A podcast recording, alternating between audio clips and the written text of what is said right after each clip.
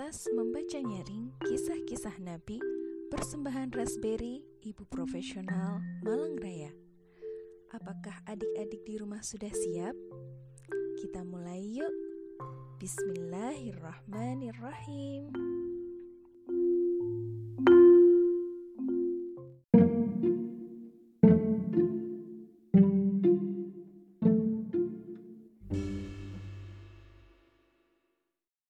Bismillahirrahmanirrahim. Halo teman-teman, Assalamualaikum warahmatullahi wabarakatuh. Apa kabar teman-teman? Perkenalkan, saya Kak Lintang.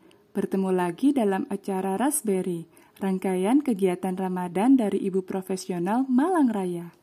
Hari ini Kak Lintang akan membacakan buku My First Quran Story.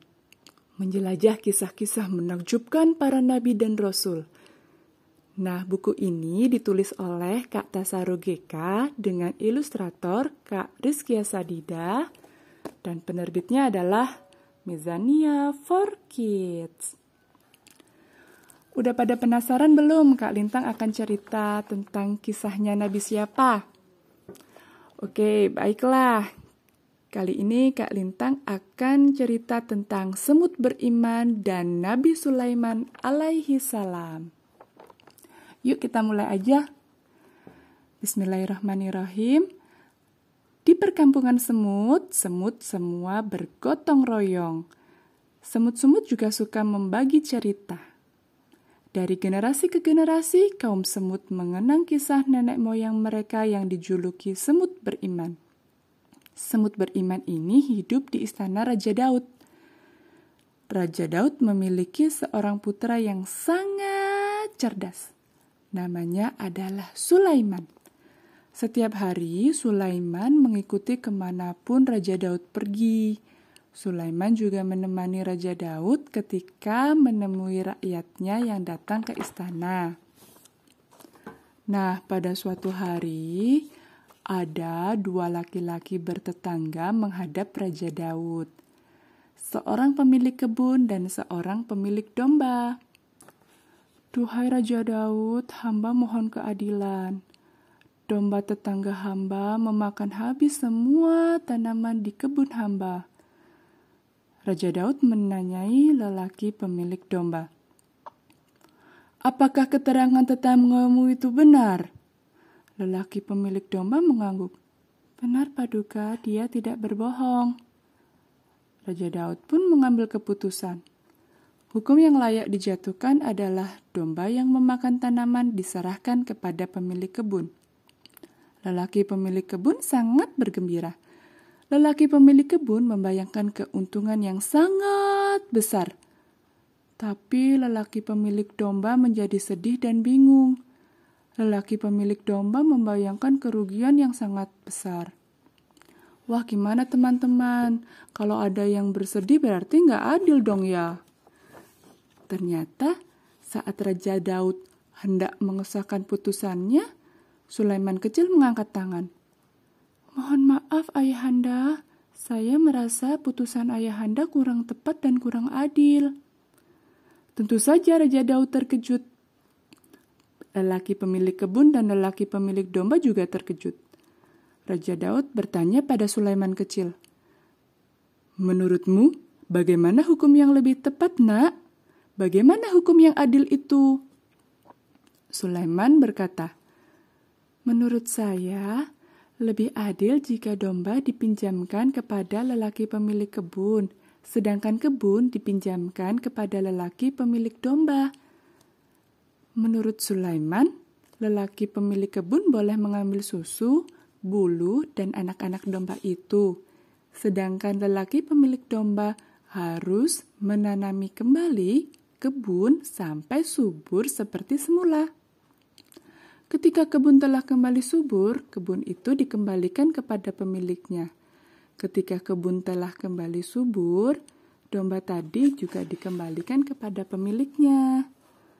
Gitu teman-teman, gimana? Udah adil belum? Udah ya? Jadi pendapat Sulaiman tadi disepakati oleh Raja Daud. Raja Daud semakin percaya kepada Sulaiman. Karena Raja Daud berencana hendak turun tahta. Raja Daud hendak memilih Sulaiman menjadi pengganti beliau. Sedangkan Sulaiman ternyata memiliki seorang kakak yang gampang marah. Wah, padahal kalau puasa gini, kita nggak boleh sering-sering marah-marah ya. Kita nggak boleh marah-marah. Kita harus pandai menahan hawa nafsu ya teman-teman. Nama kakak Sulaiman adalah Absyalum. Absyalum itu nggak setuju Sulaiman menjadi raja. Absyalum hendak memberontak Raja Daud. Absyalum mengumpulkan banyak sekali pasukan untuk menyerang istana. Absyalum hendak menjadikan dirinya menjadi Raja Bani Israel. Raja Daud menjadi sedih. Dia tidak menyangka Absyalum akan mengkhianatinya. Raja Daud lalu mengajak Sulaiman dan keluarganya meninggalkan istana untuk mencari tempat mengungsi yang aman. Raja Daud menemukan tempat mengungsi yang aman, mengumpulkan tentara yang masih setia kepadanya untuk kembali merebut istana. Raja Daud menyerbu istana. Tentara Raja Daud berhasil mengalahkan tentara Absyalum. Raja Daud kembali duduk di singgasana dan berkumpul bersama keluarganya. Yeay, alhamdulillah ya teman-teman. Kemudian Sulaiman tumbuh menjadi pemuda yang gagah dan Raja Daud mengangkatnya menjadi raja yang baru. Raja Daud percaya Sulaiman akan menjadi raja yang baik dan adil. Sulaiman sangat terkenal dan memiliki tentara yang sangat banyak. Raja Sulaiman tuh teman-teman, beliau itu pintar. Dan ternyata beliau bisa berbicara dengan berbagai macam binatang. Bahkan Raja Sulaiman juga memiliki pasukan yang tidak terlihat. Nah, suatu hari Raja Sulaiman melakukan perjalanan. Raja Sulaiman membawa banyak sekali tentara. Ayo, cepat berlindung. Ternyata ada seekor semut yang sedang berteriak. Semut itu takut teman-temannya terinjak kaki-kaki kuda Raja Sulaiman.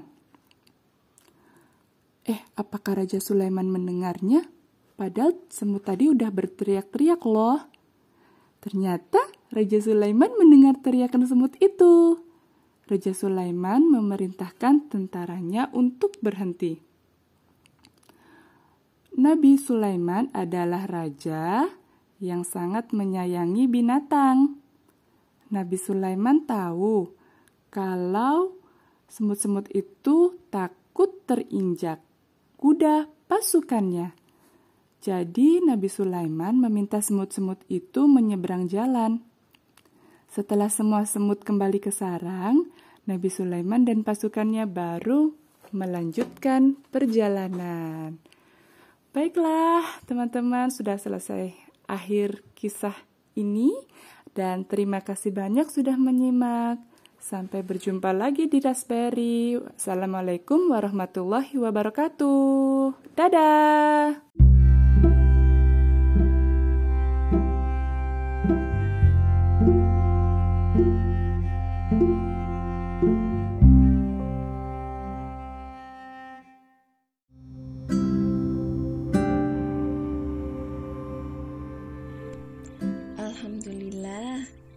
Demikian tadi Sirah Nabawi dari rangkaian acara Raspberry Ibu Profesional Malang Raya.